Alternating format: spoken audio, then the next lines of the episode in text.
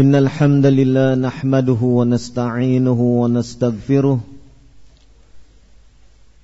ونعوذ بالله من شرور أنفسنا ومن سيئات أعمالنا.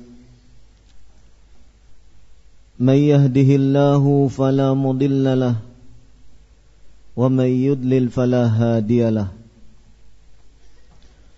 أشهد أن لا إله إلا الله وحده لا شريك له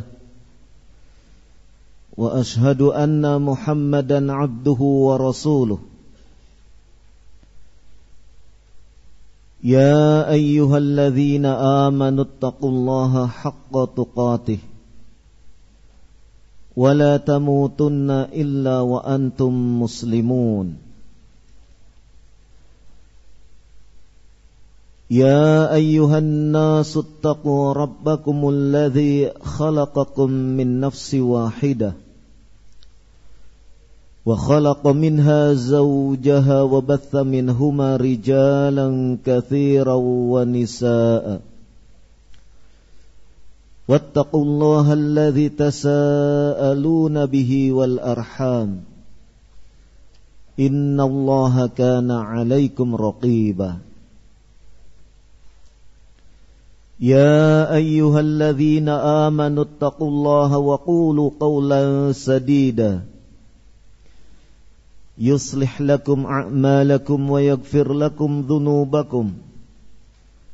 ومن يطع الله ورسوله فقد فاز فوزا عظيما.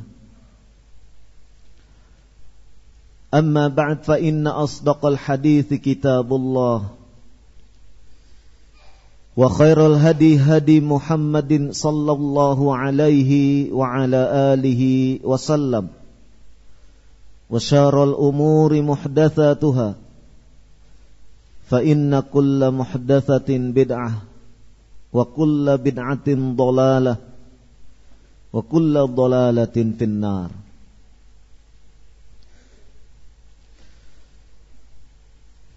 Islam mengajarkan kepada kita untuk senantiasa bersikap, bertindak, berbicara atas dasar ilmu.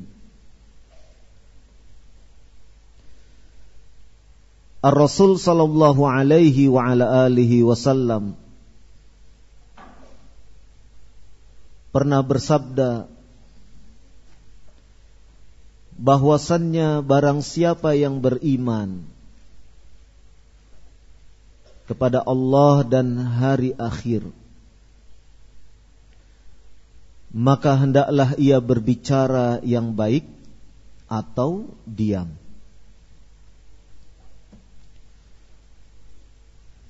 Man kana yu'minu billahi wal yaumil akhir falyaqul khairan aw liyasmut Hadis Nabi sallallahu alaihi wa ala wasallam ini menunjukkan bahwasannya diamnya seseorang itu lebih baik ketika ia tidak bisa berbicara yang baik. Diamnya seseorang itu lebih bernilai manakala ia mengeluarkan perkataan-perkataan yang tidak baik. Dan ketika ia berbicara, maka apa yang terlontar dari lisannya adalah ungkapan-ungkapan yang baik ungkapan-ungkapan yang bernilai kebenaran. Bukan ungkapan-ungkapan yang bernilai kedustaan. Bukan ungkapan-ungkapan yang bernilai hoaks. Atau sesuatu yang tidak memberikan manfaat. Karena Ar-Rasul sallallahu alaihi wa ala alihi wasallam berwasiat kepada umatnya untuk senantiasa melakukan hal-hal yang bermanfaat. Sebagaimana ditegaskan di dalam sebuah hadis yang sahih riwayat Muslim hadis dari Abi Hurairah radhiyallahu anhu Kata Rasulullah sallallahu alaihi wa ala alihi wasallam ihris ala ma yanfa'uk fasta'in billah wa la ta'jaz. Bersemangatlah engkau atas sesuatu yang bisa memberikan manfaat pada dirimu. Kata manfaat ini adalah sesuatu yang bernilai sehingga umat Nabi Muhammad sallallahu alaihi wa ala alihi wasallam senantiasa bertindak, bersikap, bertutur kata atas dasar apakah sikap tutur kata atau tindakannya itu memberi manfaat atau tidak. Inilah Islam. Inilah yang diajarkan oleh Allah dan Rasulnya. Sehingga apa yang dilakukan oleh umat Nabi Muhammad sallallahu alaihi wa ala alihi wasallam senantiasa memberikan kebaikan. Senantiasa memberikan manfaat tidak hanya kepada orang yang bersangkutan orang yang melakukan perbuatan tersebut, tetapi kebaikan tersebut, manfaat tersebut dirasakan oleh orang di sekitarnya, oleh orang lain selain dirinya. Inilah agama Islam yang rahmatan lil alamin. Memberikan segenap rahmat kasih sayangnya kepada alam semesta ini. Oleh karena itu, agama ini, yaitu Islam, mendidik kita, mendidik umatnya untuk senantiasa bertindak, bersikap, bertutur kata di atas nilai-nilai kebenaran. Di atas nilai-nilai ilmu. Atas dasar ilmiah. Jadi agama kita mengajarkan kepada kita untuk bersikap ilmiah. Artinya apa bersikap ilmiah? Segala sesuatu yang kita lakukan itu bisa dipertanggungjawabkan secara keilmuan. Ilmu apa? Ilmu syar'i. Artinya apa?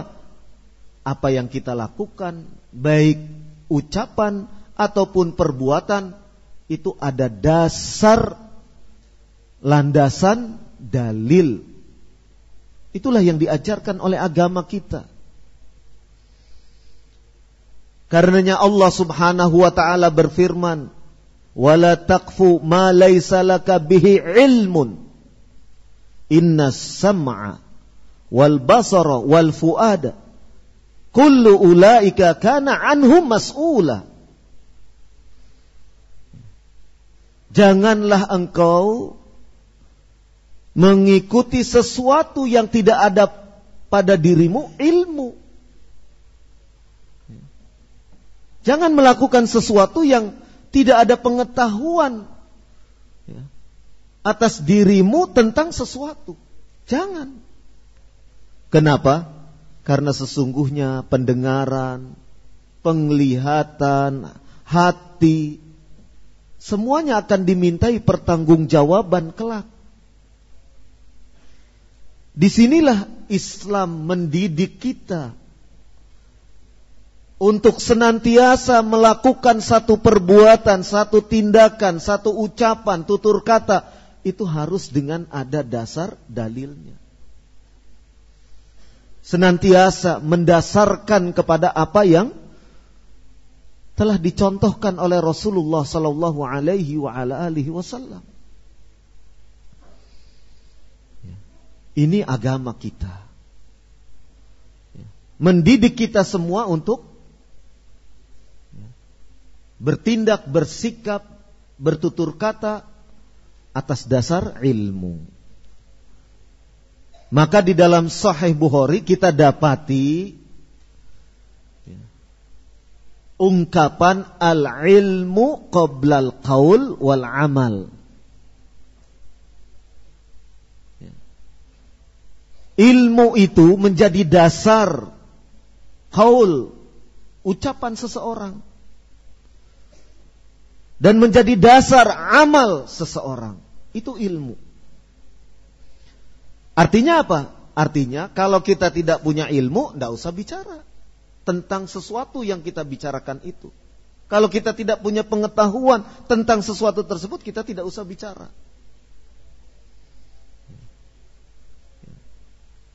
Artinya kalau kita tidak punya ilmu, kita jangan beramal. Maksudnya, jangan sampai kita melakukan satu amalan yang amalan tersebut kita tidak memiliki dasar landasan dalil baik dari Al-Qur'an maupun As-Sunnah. Itulah agama kita, mendidik kita ini dengan dasar keilmuan. Karenanya menuntut ilmu itu bagi seorang muslim yang sudah akil, yang sudah balik, yang sudah terbebani untuk melaksanakan syariat. Menuntut ilmu itu adalah sesuatu yang wajib.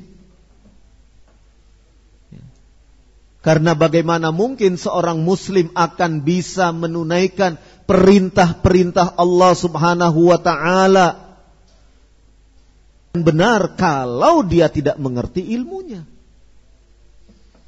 oleh karena itu ia wajib untuk menuntut ilmu tersebut Bagaimana mungkin seorang muslim bisa menunaikan apa yang diperintahkan oleh Rasulullah sallallahu alaihi wasallam sementara ia buta, tidak tahu ilmunya.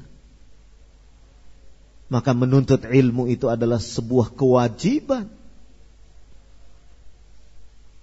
Dan tidak boleh kemudian pada diri seorang muslim padam semangatnya untuk menuntut ilmu. Tidak boleh. Selama ia masih hidup. Selama nafas, tarikan nafas itu ia lakukan, masih bisa ia lakukan. Selama hayat masih dikandung badan. Ia berkewajiban untuk terus menuntut ilmu. Karena Ilmu itu akan menjadi dasar bagi dirinya di dalam melakukan satu amalan. Baik amalan yang sifatnya kolbiyah, amalan hati. Seperti roja mengharap, al-khawf takut kepada Allah subhanahu wa ta'ala. Seperti tawakal atau seperti mahabbah mencintai Allah dan Rasulnya serta orang-orang yang beriman sabar dan yang lainnya semuanya harus dengan dasar ilmu atau amalan-amalan lain yang sifatnya bil jawari dengan anggota tubuh. Salat dan lain sebagainya. Atau amalan-amalan dalam bentuk lisanan, ucapan, tutur kata, semuanya harus dengan dasar keilmuan. Oleh karena itulah Islam sangat memotivasi setiap umatnya untuk senantiasa bersemangat menuntut ilmu senantiasa mendorong umatnya untuk hadir di majelis-majelis ta'lim. Karena tidak mungkin seseorang akan melakukan satu amalan, perbuatan, sementara ia tidak memiliki landasan keilmuan. Dan kalau kita melihat Al-Quran maupun hadis-hadis Nabi Sallallahu Alaihi Wasallam. Sedemikian banyak ungkapan ayat ataupun hadis yang berbicara tentang masalah ilmu. Apalagi terkait ketika seseorang dia harus beramal dia harus mendakwahkan apa yang ia amalkan tersebut. Ya. Semuanya adalah tentunya dengan landasan al-ilm. Maka kita dapati di dalam surat Toha ayat 114 firman Allah Subhanahu wa taala wa qur rabbi zidni ilma. Dan katakanlah wahai Rabbku tambahkanlah kepadaku ilma ilmu. Yang dipinta kepada kepada Allah Subhanahu wa taala yang dimohonkan kepada Allah Subhanahu wa taala adalah ilmu bukan harta bukan bukan kepentingan-kepentingan yang sifatnya duniawiyah tetapi yang diminta kepada Allah Subhanahu wa taala adalah ilmu. Karena yang namanya ilmu itu akan memberikan secercah cahaya kepada orang yang menyandangnya. Dengan ilmu itu, ba'dallah seseorang bisa kemudian membedakan antara al-haq dan al-batil. Dengan ilmu tersebut seseorang mendapatkan basirah. Ya. Ketajaman di dalam melihat permasalahan. Sehingga ia bisa terbimbing.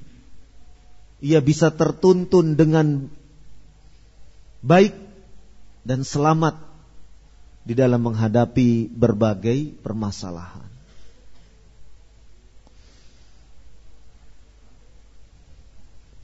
Maka ketika seseorang menyampaikan risalah pun menyampaikan apa yang diserukan kepada umat ia harus menyandarkan kepada basirah yaitu al-ilm. Allah Subhanahu wa taala berfirman qul hadhihi sabili ad'u ilallah ala basiratin. Ana wa manittaba'ani wa subhanallahi wa ma ana minal musyrikin. Surat Yusuf ayat 108 Katakanlah inilah jalanku. Saya menyeru ke jalan Allah Atas dasar basirah Yaitu ilmu syar'i. Yang dimaksud basirah yaitu disebutkan oleh Syekh Saleh bin Abdul Aziz Ibni Muhammad al-Syekh. Beliau menyebutkan al-basirah hiya al-ilmu nafi' maka saya menyeru ke jalan Allah ala basiratin yaitu atas dasar ilmu yang bermanfaat. Saya dan orang-orang yang mengikuti saya. Orang-orang yang mengikuti saya artinya umat Nabi Muhammad sallallahu alaihi wa ala alihi wasallam. Dan maha suci Allah dan saya bukanlah termasuk orang-orang yang berbuat kesyirikan, bukan orang-orang musyrik. Di dalam firman Allah Subhanahu wa taala ini disebutkan tentang kata basirah yang menunjukkan bahwasannya seseorang akan bisa menyampaikan, seseorang akan bisa berdakwah, seseorang akan bisa mengajak kepada al-khair. Manakala ia memiliki al-ilmun nafi' ilmu yang bermanfaat. Ya. kata Syekh Saleh Al-Fauzan hafizahullah taala dalam salah satu risalahnya ya, Aqidah Al-Wasitiyah disebutkan al-ilmu nafi' ay al-huda al-hidayah. ya, petunjuk sehingga begitu pentingnya masalah keilmuan sehingga bagi seorang muslim harus terus ya, menumbuhkan semangat untuk menuntut ilmu. Karena sesungguhnya Allah Subhanahu wa taala berfirman dalam surat Al-Mujadalah ayat ke-11 Yarfa'illahu alladhina amanu minkum walladhina utul ilma darajat Allah akan meninggikan orang-orang yang beriman dari kalangan kalian dan orang-orang yang diberi ilmu beberapa derajat. Di dalam ayat ini pun kata al-ilm ilmu disebutkan. Menunjukkan betapa pentingnya ilmu itu bagi seorang muslim. Ya. Demikian juga para rasul Allah Subhanahu wa taala. Para rasul Allah Subhanahu wa taala diutus dalam rangka untuk menyebarkan risalah. Dan risalah itu sendiri adalah al-ilm untuk menyampaikan wahyu yang wahyu itu pun merupakan ya, ilmu dari Allah Subhanahu wa taala yang disampaikan melalui malaikat Jibril kepada rasulnya.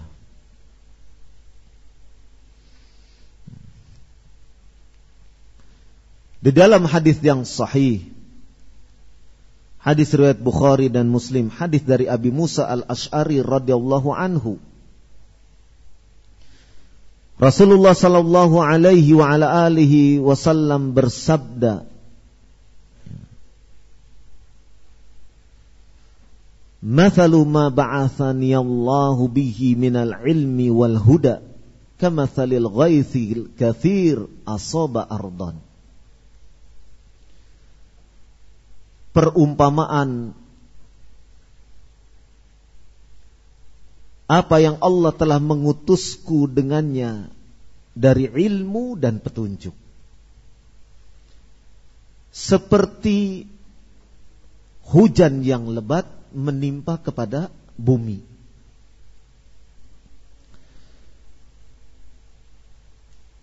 Di sinilah ilmu diperumpamakan dengan air air hujan yang turun membasahi bumi. Dan kita mengetahui bahwasannya Allah Subhanahu wa taala menumbuhkan apa yang ada di muka bumi melalui air yang diturunkan dari atas langit. Demikian pula al-ilm. Manakala ia membasahi jatuh ke hati manusia, maka ia akan menghidupkan, ia akan menjadikan hati itu ya, bercahaya, hati itu tumbuh, hidup dengan izin Allah Subhanahu wa taala. Demikianlah perumpamaan al-ilm. Rasulullah Sallallahu Alaihi wa ala Wasallam memberikan perumpamaan ilmu dan petunjuk ini dengan hujan, air hujan yang menimpa ke permukaan bumi. Sehingga ya, sedemikian pentingnya al-ilm dan merupakan warisan yang sangat berharga karena sesungguhnya para nabi Allah Subhanahu wa taala tidaklah mewariskan sesuatu yang berharga dalam bentuk dirham maupun dinar. Tetapi para nabi Allah Subhanahu wa taala mewariskan kepada umat-umat setelahnya yaitu dalam bentuk al-ilmu. Di sini disebutkan lagi tentang ilmu. Kata Rasulullah sallallahu alaihi wa ala alihi wasallam dalam hadis yang sahih riwayat Abu Dawud, At-Tirmidzi, Ibnu Majah, hadis dari Abi Darda radhiyallahu anhu. Disebutkan al-ulama'u warathatul anbiya. Ulama itu pewaris para nabi. Fa innal anbiya lam yuwarrithu dinaron wala dirhaman. Dan sesungguhnya para nabi itu tidaklah mewariskan dinar ataupun dan tidak pula mewariskan dirham. Qala wa innama warrathul ilma. Para nabi mewariskan ilmu. Faman akhadahu akhadha bihadzin wafir. Barang siapa yang mampu untuk merengkuh ilmu itu, maka ia mendapatkan keberuntungan yang besar. Ini keutamaan ilmu. Sehingga di mana pun kita, dalam keadaan bagaimanapun, hendaklah kita berupaya untuk bisa mendapatkan al-ilm. Baik melalui membaca baca kitab-kitab para ulama ya, atau melalui hal yang sifatnya sautiat yaitu mendengar ya, mungkin muhadarah dari para ulama muhadarah muhadarah yang bermanfaat ya, dari para asatidah ya, yang itu semua adalah mengandung ya, ilmu yang bermanfaat. Nah, dari sini kita akan dapati ya, sedemikian berharganya tentang ilmu. Ya. Kita akan berbuat apa pun ketika tidak memiliki ilmu akan bingung. Ketika tidak memiliki ilmu, kita akan sulit melangkah. Ya. Maka betapa pentingnya al-ilm. Karenanya dalam hal masalah ilmu ini semangat kita jangan sampai kemudian luntur. Karena sesungguhnya ilmu itu tidak secara instan. Ya, gelondongan langsung diraih seluruhnya tidak. Ya, yang namanya ilmu yang bermanfaat itu harus diraih dengan sedikit demi sedikit. Dan kita dapati bagaimana salafun saleh ya, untuk mendapatkan al-ilm itu dengan sekian banyak perjuangan jerih payah ya, hanya untuk mendapatkan satu hadis ya, harus menempuh perjalanan berhari-hari menemui seseorang ya, yang katanya orang tersebut pernah berjumpa dengan Rasulullah sallallahu alaihi wa ala alihi wasallam. Padahal orang tersebut jauh sudah menetap di negeri yang lain. Untuk mendapatkan ilmu itu ia temui orang tersebut. Yang katanya bertemu dengan Rasulullah sallallahu alaihi wasallam dan Rasulullah sallallahu alaihi wasallam bersabda kada wa kada demikian dan demikian. Dan orang tersebut mengingatnya ucapan Nabi sallallahu alaihi wasallam. Maka ya, para sahabat berusaha untuk mencari orang ini.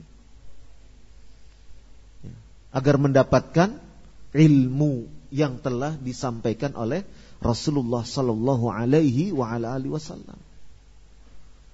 Ya, demikian berat perjuangan salafun soleh, orang-orang soleh kita terdahulu. Ya, bagaimana mereka mencatat ilmu tersebut? Ya, ketika buku-buku mereka, lembaran-lembaran yang mereka gunakan untuk mencatat kemudian habis, mereka gunakan sandal mereka untuk mencatat. Ya. Sandal pun habis, mereka gunakan telapak tangan untuk mencatat. Itu menunjukkan bagaimana hers semangatnya. Ya. Salafun soleh, orang-orang soleh terdahulu di dalam menuntut ilmu. Hanya satu contoh saja.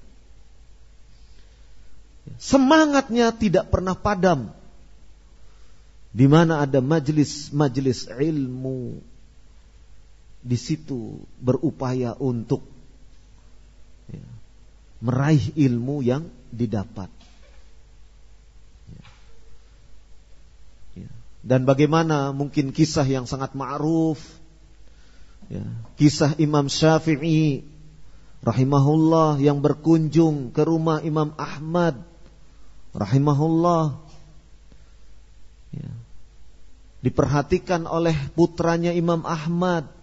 Katanya ini dia seorang yang faqih, seorang yang alim, memiliki ilmu yang banyak. Ya, putranya Imam Ahmad memperhatikan apa yang dilakukan oleh Imam Syafi'i malam hari. Ditunggu kok tidak juga keluar. Ya, orang alim kok ditunggu tidak keluar untuk ngambil air, berwudu, sholat malam, kok tidak keluar? Begitu subuh langsung sholat subuh, kok tidak berwudu? Berarti tidak sholat ini. Ternyata apa? Ternyata Imam Syafi'i memikirkan satu hadis yang dari satu hadis itu kemudian timbul faidah-faidah yang bermanfaat. Ini menunjukkan bagaimana kedudukan al-ilm, ilmu ya, bagi seorang muslim. Ya. Belum lagi kalau kita perhatikan ya, bagaimana salafun saleh sedemikian bersemangat memiliki hirs untuk ya, menambah ilmunya, untuk mendapatkan ilmunya. Ya, sampai dikatakan oleh para ulama, ya, manakala seseorang dalam keadaan ia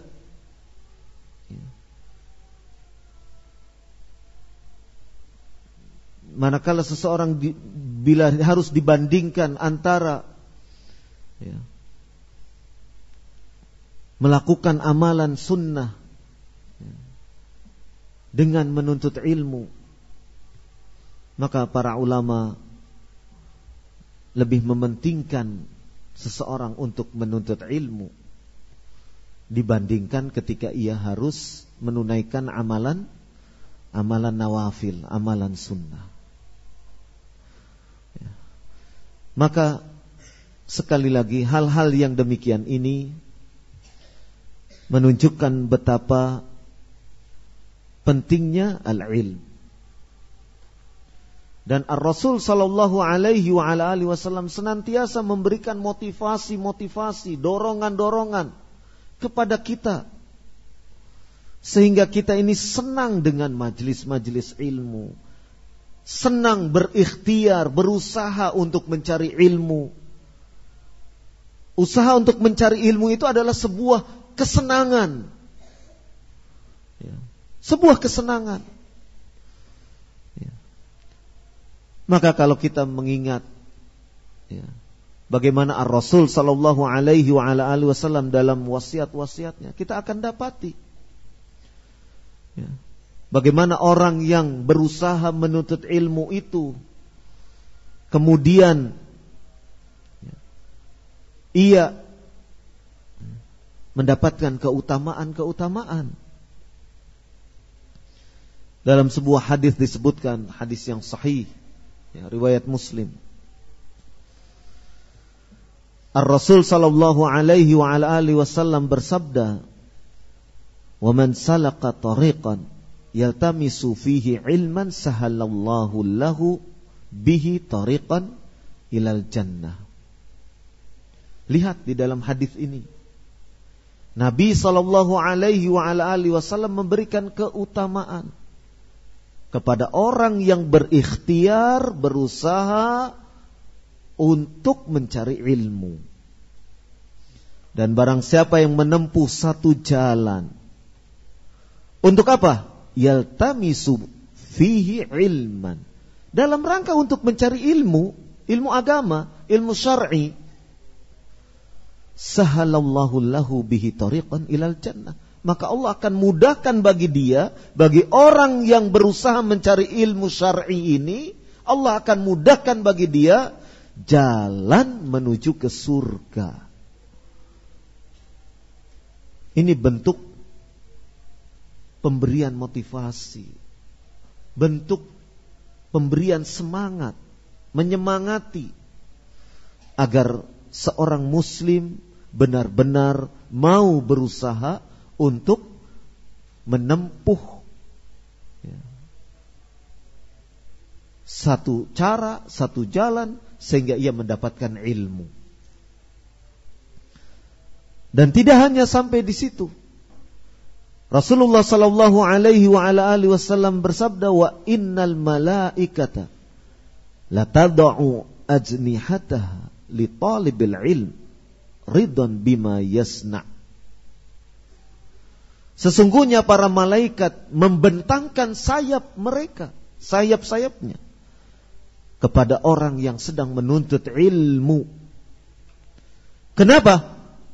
Karena begitu suka kitanya dengan apa yang diperbuat oleh orang tersebut. Apa yang diperbuat? Menuntut ilmu. Apa yang dilakukan oleh orang itu? Menuntut ilmu. Karena sedemikian ridhonya, sedemikian senangnya malaikat terhadap orang yang menuntut ilmu. Hingga kemudian sayap-sayap mereka dibentangkan. Nah, ini di antaranya keutamaan orang yang menuntut ilmu. Tapi insya Allah kita lanjutkan nanti kita jeda dulu untuk menunaikan salat isya. Ya. Wallahu a'lam bishawab. Subhanakallahumma wa bihamdik asyhadu an la ilaha illa anta astaghfiruka wa atubu ilaik. Wa sallallahu ala nabiyyina Muhammad Walhamdulillahi Rabbil Alamin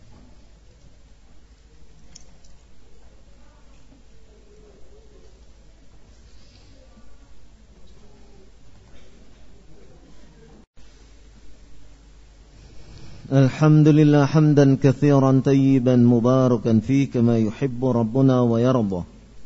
أشهد أن لا إله إلا الله وحده لا شريك له وأشهد أن محمدا عبده ورسوله صلى الله عليه وعلى آله وسلم تسليما كثيرا أما بعد.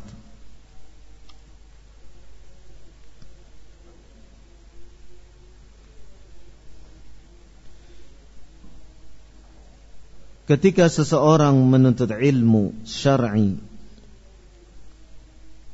maka yang kali pertama harus ia tumbuhkan pada dirinya an-niyatus salihah.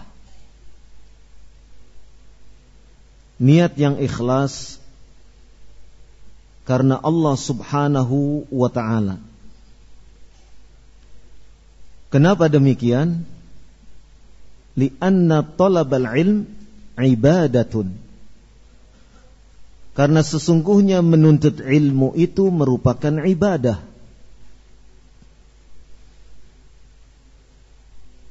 Dan diterimanya ibadah seseorang oleh Allah Subhanahu wa taala karena didasari satu di antaranya didasari keikhlasan. Ikhlas lillahi ta'ala.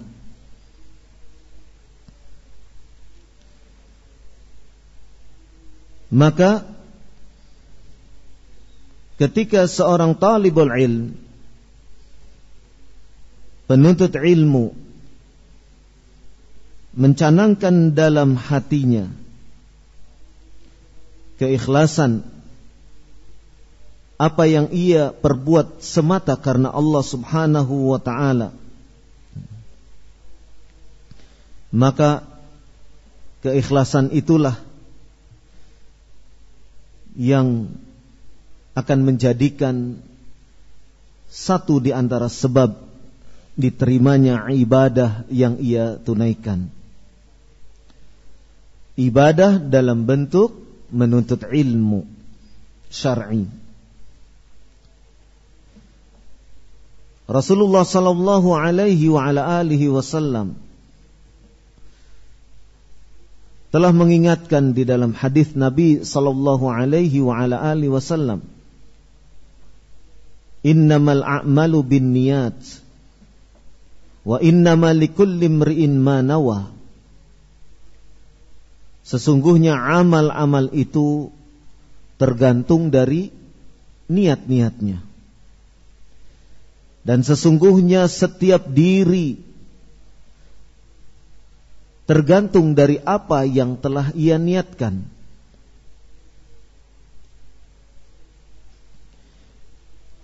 Yang dimaksud dengan al-a'mal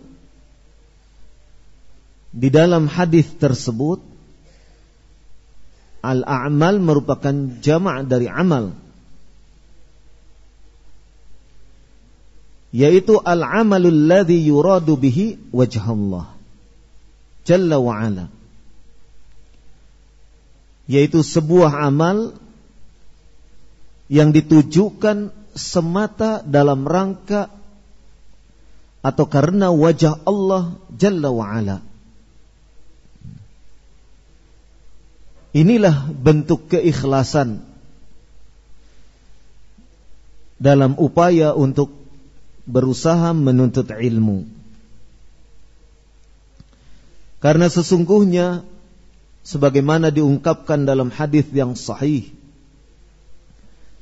ada seorang yang menuntut ilmu mempelajari Al-Qur'an tetapi karena niatnya dalam rangka untuk disebut sebagai seorang yang alim, berilmu, atau niatnya dalam rangka untuk disebut sebagai seorang yang qari, pembaca Al-Quran, maka niat yang salah itu telah menjerembabkan si pelakunya untuk diseret wajahnya diseret dan dilemparkan ke dalam neraka. Amal perbuatannya secara zahir adalah sesuatu yang mulia. Namun karena niat yang salah, niat yang hanya sekadar untuk kepentingan-kepentingan sesaat, agar dilabeli sebagai seorang yang alim, agar dilabeli sebagai seorang qari pembaca Al-Qur'an yang merdu suaranya, yang indah suaranya. Maka karena niat yang salah menyebabkan kebinasaan di hari kiamat.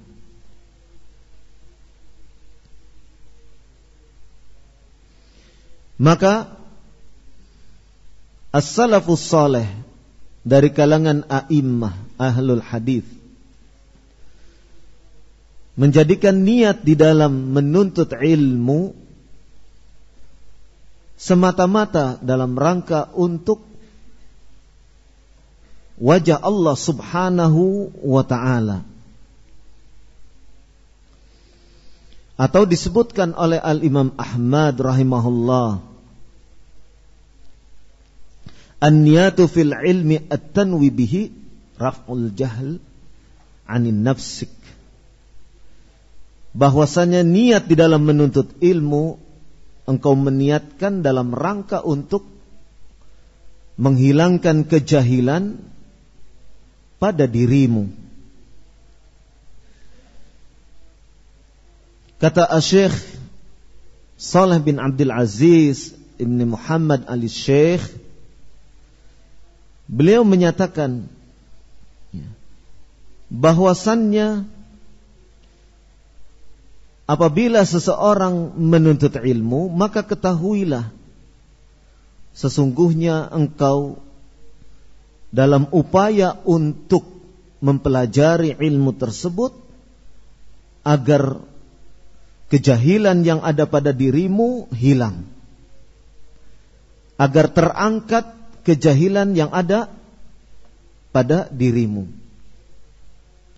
Al jahlu bi ayyi syai. Kejahilan dalam hal apa? Kejahilan dalam sesuatu yang dimaksud sesuatu apa? Yaitu kata beliau hafizahullah taala yaitu Syekh Saleh bin Abdul Aziz bin uh, bin Muhammad Al-Syekh hafizahullah taala beliau menyebutkan bahwasannya yang dimaksud al-jahl menghilangkan kejahilan di sini kejahilan yang paling besar adalah ketika seseorang ditanya tentang tiga perkara di dalam kuburnya.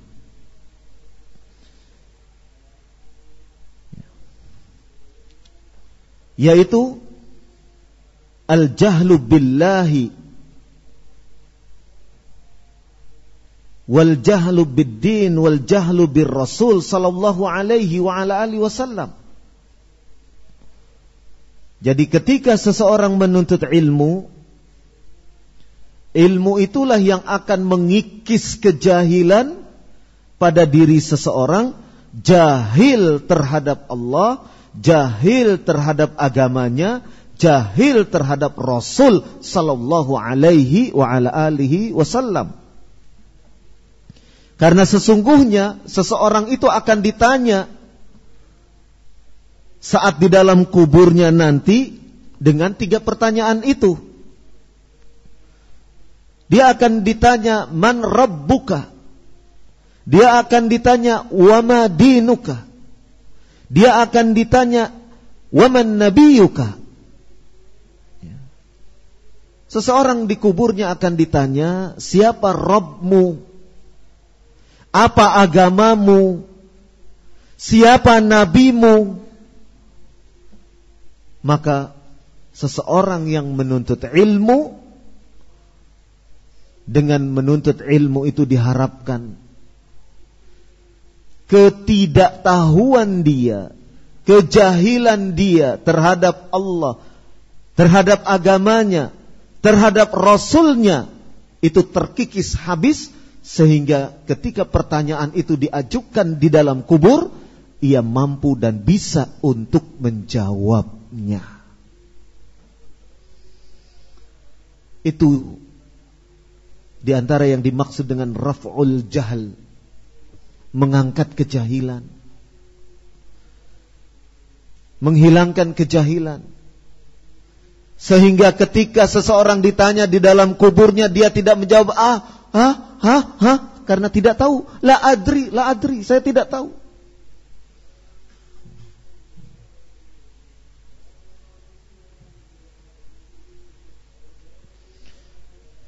Ini yang dimaksud bahwasannya menuntut ilmu adalah dalam rangka raf'ul jahal. Mengikis habis kejahilan yang dimaksud dengan kejahilan di sini yang paling besar adalah kejahilan ketidaktahuan terhadap Allah, terhadap agama, terhadap Rasul sallallahu alaihi wa ala alihi wasallam. Sehingga dengan al-ilmu nafi' dengan ilmu yang bermanfaat itulah seseorang bisa terarah untuk mengikis kejahilan yang ada pada dirinya terutama kejahilan dalam tiga perkara tersebut ya. kejahilan di dalam tiga perkara tersebut ya. jahil terhadap Robnya yaitu Allah Subhanahu wa taala. Jahil terhadap agamanya yaitu Islam. Jahil terhadap Rasulnya sallallahu alaihi wa ala alihi wasallam. Dan dengan ilmu yang bermanfaat itu pula ia akan bisa memahami arububiyah Allah Subhanahu wa taala dia memahami uluhiyah. Dia memahami asma wa sifat.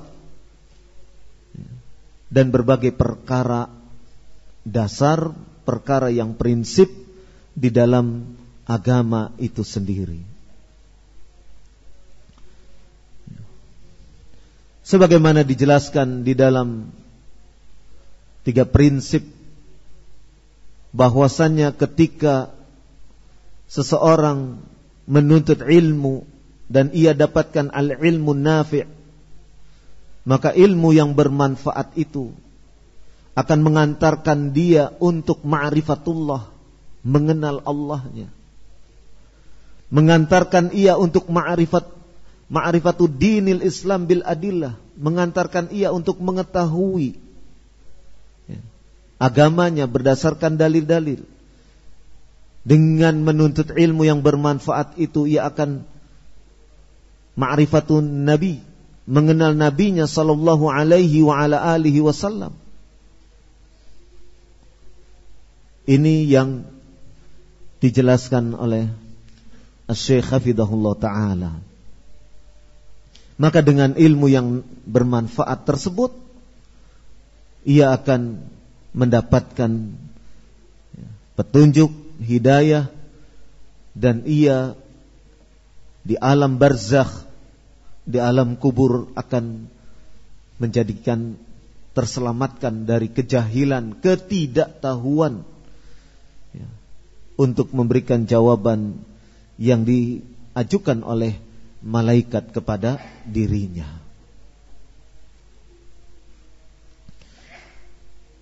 Kemudian seseorang yang menuntut ilmu selain niat yang as-salihah. Niat yang baik yaitu niat ikhlas karena Allah Subhanahu wa taala. Juga seorang yang menuntut ilmu hendaklah menumbuhkan kesabaran pada dirinya. As-sabru ala talabil ilm.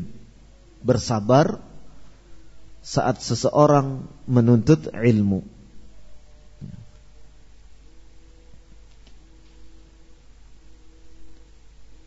Seorang yang menuntut ilmu setelah niat ia memahami harus memahami bahwasannya tarik Tarekat menuntut ilmu itu, jalan menuntut ilmu itu laisa bil qasir. Ya. Proses menuntut ilmu tersebut tidaklah pendek. Ya.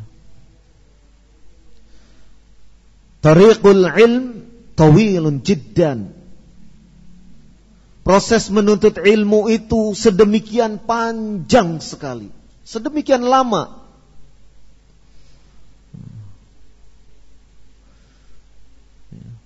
Itu yang harus difahami. Ketika ia berupaya untuk menuntut ilmu. Walaupun sedemikian lamanya menuntut ilmu, bukan lantas kemudian memadamkan semangatnya. Justru dengan dia memahami bahwasannya jalan menuntut ilmu itu sedemikian lama, panjang. Di situlah ia harus menyiapkan kesabaran di dalam menempuh perjalanan menuntut ilmu.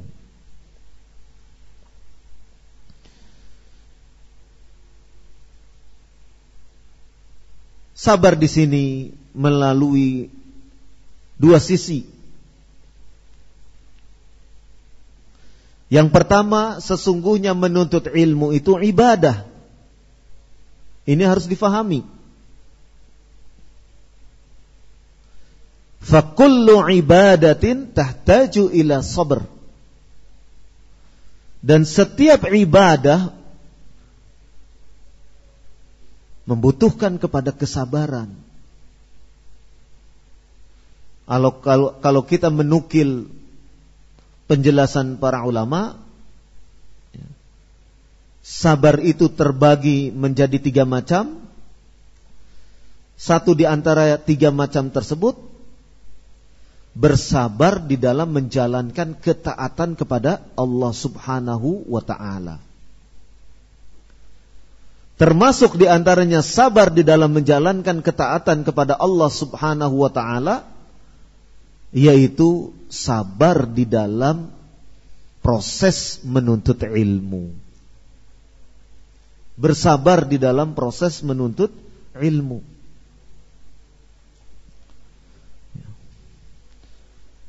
Di sinilah harus difahami bahwasannya yang namanya ibadah harus senantiasa dilakukan secara istiqomah terus menerus. Ya. Maka bagi seseorang yang menuntut ilmu, bagi kita yang menuntut ilmu, kita sebagai talibul ilm, para penuntut ilmu, harus menyadari yang demikian ini. Kadang timbul kejenuhan, ini yang satu di antara sebab-sebab yang akan memalingkan seseorang dari proses menuntut ilmu tersebut. Jenuh, bosan. Ini di antara sebab-sebab yang bisa memalingkan seseorang dari proses menuntut ilmu, dari jalan menuntut ilmu. Yang kedua, as-sabru ala thabat ala suluki talib uh, talabil ilm. Ya. Bersabar atas kekokohan ya, atas perilaku menuntut ilmu. Ya. Tindakan dalam menuntut ilmu tersebut. Karena sesungguhnya seseorang yang sedang menuntut ilmu memerlukan kesabaran yang banyak. Sabar dalam hal apa? Apakah sabar dalam hadir dalam durus saja? Sabar menghadiri durus-durus saja? Apakah sabar dalam hal itu? Tentu tidak hanya itu. Apakah sabar ketika mulazamah dengan para masyayikh? Tentu tidak sabar dalam hal itu saja. Apakah sabar dalam hal mendengarkan ilmu disampaikan? Ilmu yang disampaikan kepadanya, sabar. Apakah sabar hanya dalam hal itu? Tidak. Tidak hanya itu. Bahkan bersabar Termasuk di antaranya yang harus disabari adalah sabar, bersabar dalam kesibukan-kesibukan yang justru kesibukan-kesibukan itu di luar proses menuntut ilmu. Bersabar apa? Bersabar dalam mengendalikan diri, menahan diri dengan segenap aktivitas-aktivitas, kegiatan-kegiatan yang kegiatan tersebut di luar proses menuntut ilmu. Karena bisa jadi kegiatan-kegiatan yang di luar proses menuntut ilmu ini mengganggu talabul ilm mengganggu proses menuntut ilmu itu sendiri tidak sedikit orang yang kemudian tergelincir menjauh dari majelis ilmu dengan sebab apa? Dengan sebab aktivitas keduniaannya. Asyik Ternyata setelah jualan untungnya banyak, jualan terus, lupa dengan majlis ilmu. Tidak sabar ketika mendapatkan, ketika Allah menguji dengan perniagaan yang ia dapatkan.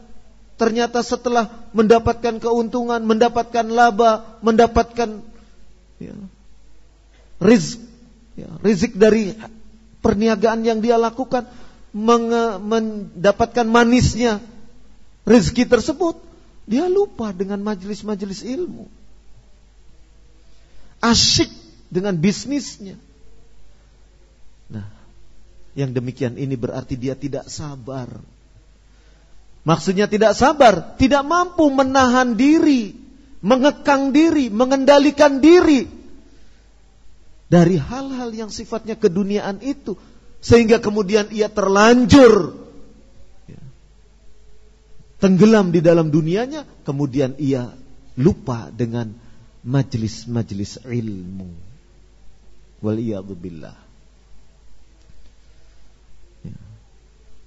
jadi sabarnya tidak semata-mata sabar duduk mendengarkan ya, faidah-faidah ilmu. Ya itu juga perlu kesabaran. Tidak semata sabar ya, mendengarkan ya, muhadharah, tidak semata sabar hadir di dalam durus pelajaran-pelajaran, tidak semata itu saja. Tetapi justru ada yang perlu diwaspadai. Yaitu kita harus sabar menahan diri Sabar di sini maksudnya menahan diri, jangan sampai kemudian tergelincir karena urusan-urusan keduniaan. Kan asyik toh kalau sudah jualan gitu. Apalagi jualan online, wah untungnya besar. Asyik kan? Sudah kenal uang. Ya. Awalnya belum kenal uang, ya. luar biasa ya. rajin menghafal Quran rajin luar biasa pokoknya tapi begitu mengenal uang lupa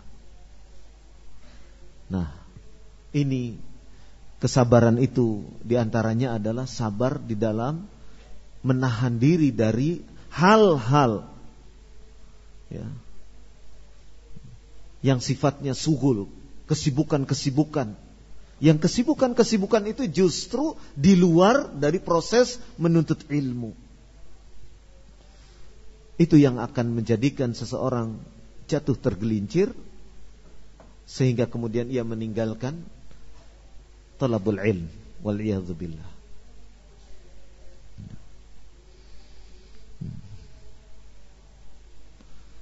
Maka penting bagi kita untuk memperhatikan mempertebal sikap sabar ini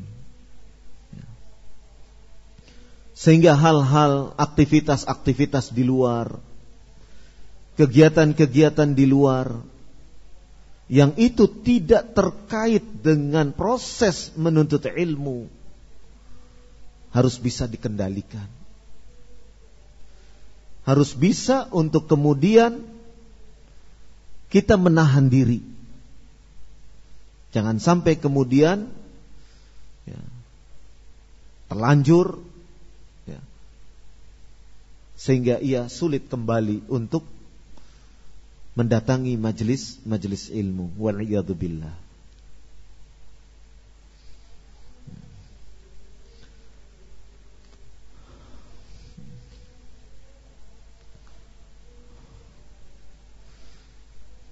Kemudian di dalam menuntut ilmu pun seseorang harus memahami bahwasanya ilmu yang ia dapatkan bitadrij fi talabil ilm yaitu dengan cara bertahap. Dengan cara bertahap. Ya. tadrij fitolabil ilm. Bertahap di dalam menuntut ilmu.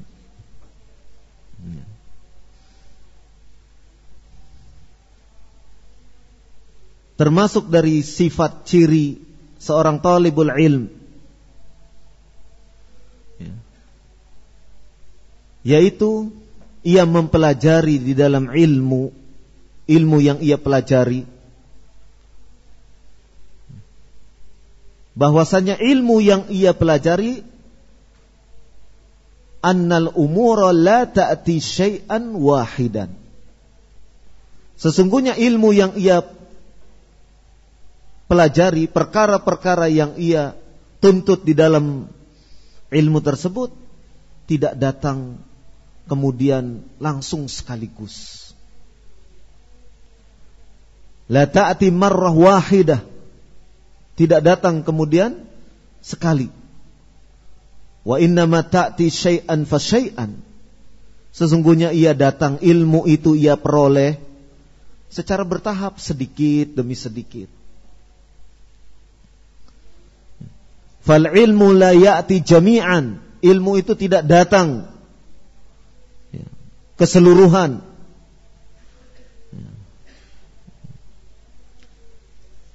Wa man aradal ilma jumlah. Jumlatan. Kama qala Ibnu Syihab Az-Zuhri dhahaba anhu jumlatan. Barang siapa yang menginginkan ilmu itu datang secara keseluruhan, maka ilmu itu pun akan hilang secara keseluruhan juga.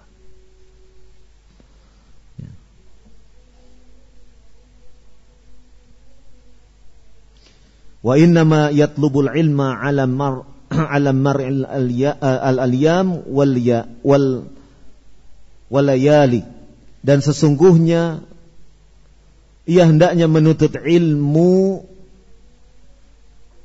melalui hari-hari, melalui malam-malam. Artinya apa? Ia mendapatkan ilmu itu berhari-hari, sedikit demi sedikit.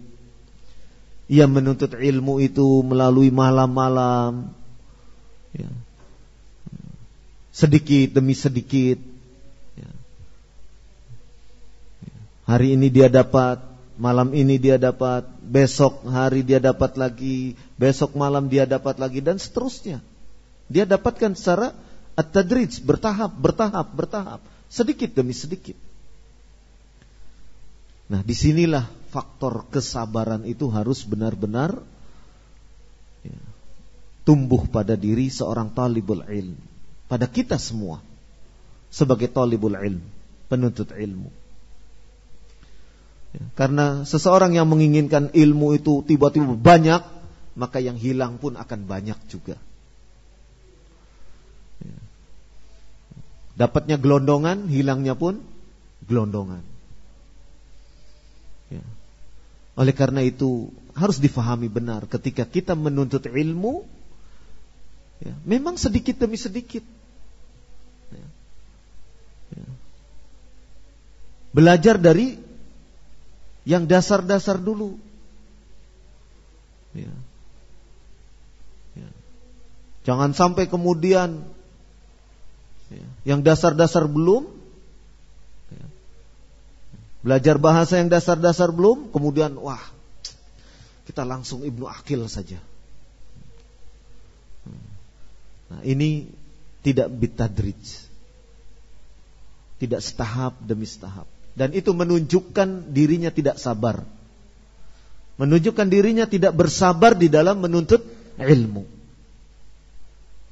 Karena sesungguhnya satu di antara bentuk kesabaran di dalam menuntut ilmu, ia bersabar ketika ilmu yang dia dapatkan itu walaupun sedikit, dia bersabar.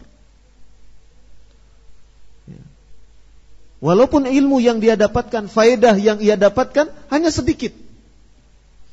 Ya, faedahnya cuma satu baris saja sekarang hari ini. Misalkan, walaupun sedikit.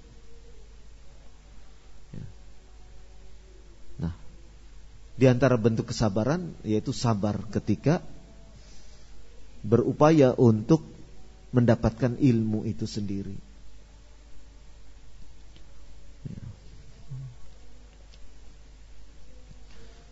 Kemudian yang perlu juga ditumbuh, ditumbuhkan.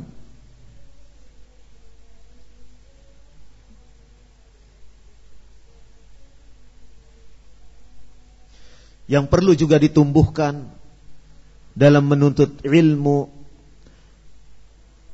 Kata Syekh Saleh bin Abdul Aziz Al-Syekh Hafizahullah Ta'ala.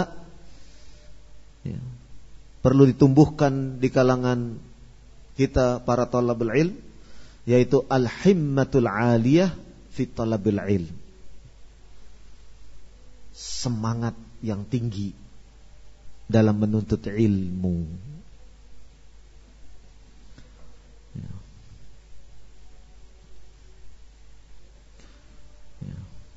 himmah aliyah. Al-himmah aliyah. Semangat yang tinggi ini harus terus menyala. Harus terus menyala pada diri seseorang. Ya.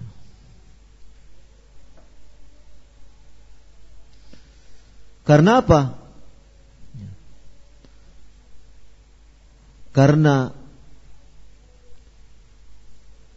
ketika semangat itu masih tumbuh, semangat untuk terus mendapatkan ilmu itu tumbuh. Ya. Bitaufikillah dengan taufik dari Allah Subhanahu wa taala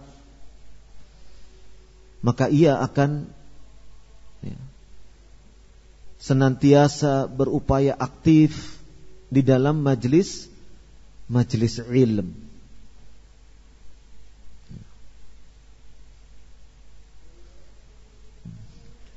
Termasuk di antara bentuk semangat yang tinggi yaitu dalam perkara al-hifad. Ya, beliau menyebutkan perkara al-hifad. Ya, menghafal, menjaga hafalan. Kenapa demikian? Al-hifdhu huwa asasul ilm. Karena hifad itu fondasi asas dari ilmu.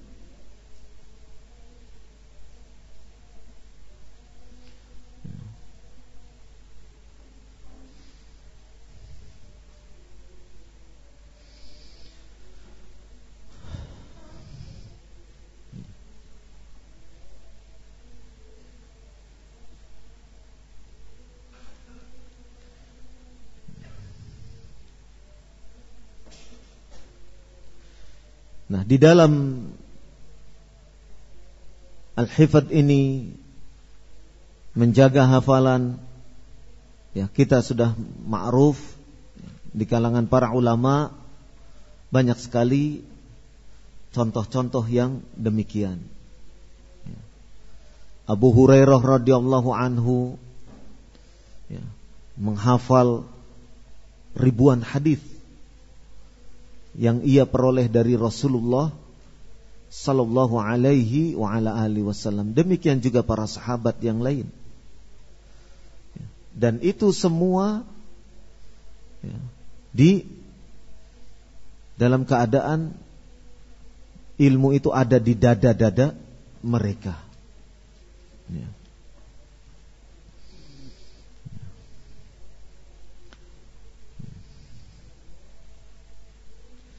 Termasuk di antaranya himmah al-himmatu aliyah yaitu al-himmah fi mulazamatil masyayikh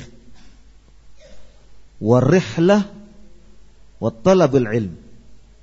Semangat di dalam mulazamah kepada para masyayikh. Juga semangat dalam melakukan rihlah perjalanan untuk menuntut ilmu. Ya, ini termasuk di antaranya himmah al-himmatu aliyah. Ya. Dan demikianlah para salafun saleh. Ya, rihlah untuk menuntut ilmu. Di antaranya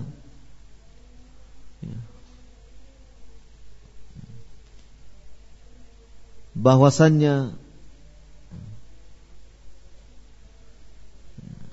Jabir bin Abdullah radhiyallahu anhu melakukan rihlah yang ketika itu beliau berada di Madinah untuk menjumpai seorang sahabi, seorang sahabat Nabi sallallahu alaihi wasallam yang ketika itu berada di negeri Syam.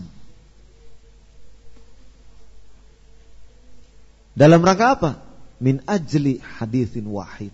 Hanya dalam rangka untuk mendapatkan satu hadis. Hanya untuk mendapatkan satu hadis.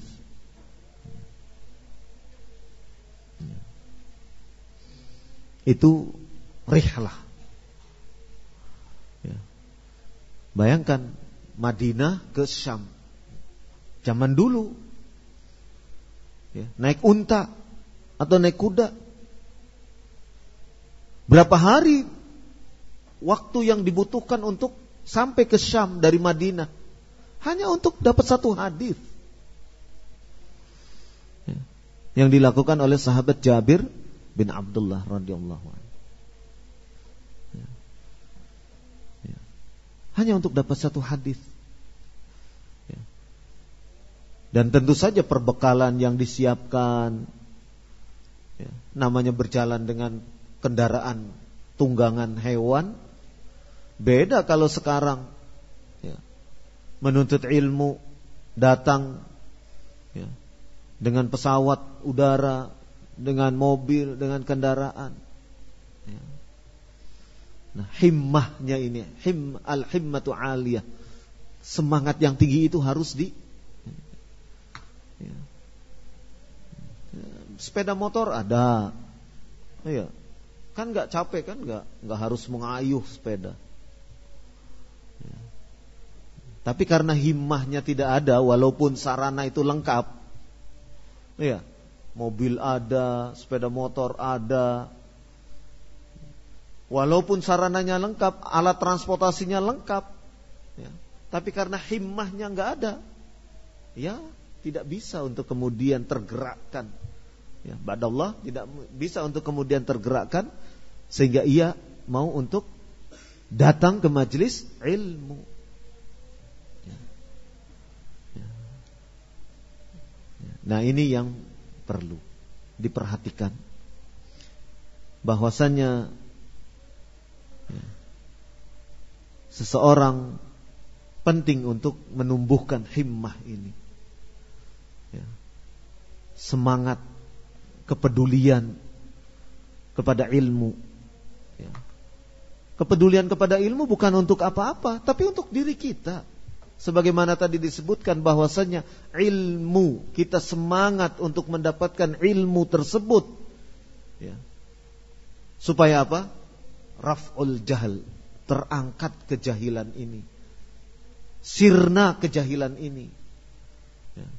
terkhusus kejahilan terhadap Allah, terhadap agamanya, dan terhadap Rasulnya. Mungkin itu saja yang bisa saya sampaikan pada kesempatan malam hari ini. Insya Allah masih kuat kan? Masih kuat nggak nih? Masih kuat? Sudah lapar belum? Hah? Masih kuat nggak nih kalau ada lagi diperpanjang lagi majelis ilmunya?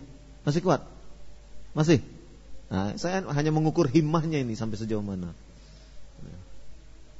Betul nih masih siap? Masih siap? Yang ngantuk? Masih siap? Siap ngantuknya. Betul nih siap nih? Siap? Nah, insya Allah nanti setelah ini ada Al Ustad Ahmad Khodim yang akan menyampaikan faidah-faidahnya di sini. Masih siap? Wah, lemes begitu jawabannya. Siap 86 Densus 86 ya. Detasemen khusus 86 Hanya bisa siap gitu aja Insya Allah nanti setelah ini Ustadz Ahmad Khadim Yang akan mengisi Muhadoroh berikutnya Iya Ya laparnya tahan dulu ya. Kita makan malamnya agak Agak malam. Namanya makan malam Malam sekalian. Ya Insya Allah Ta'ala. Begitu? Baik, kita akhiri. Ya, Majelis ini Dengan doa kafaratul majlis. Subhanakallahumma wa bihamdik an la ilaha illa anta Astagfiruka wa atubu ilaik. Wa sallallahu ala Muhammad Walhamdulillahi rabbil alamin Ustaz Ahmad Khadim sudah datang. Ya, Sudah. Sudah ada di atas. Insya Allah tinggal Meluncur ke bawah. Jadi tidak perlu bubar dulu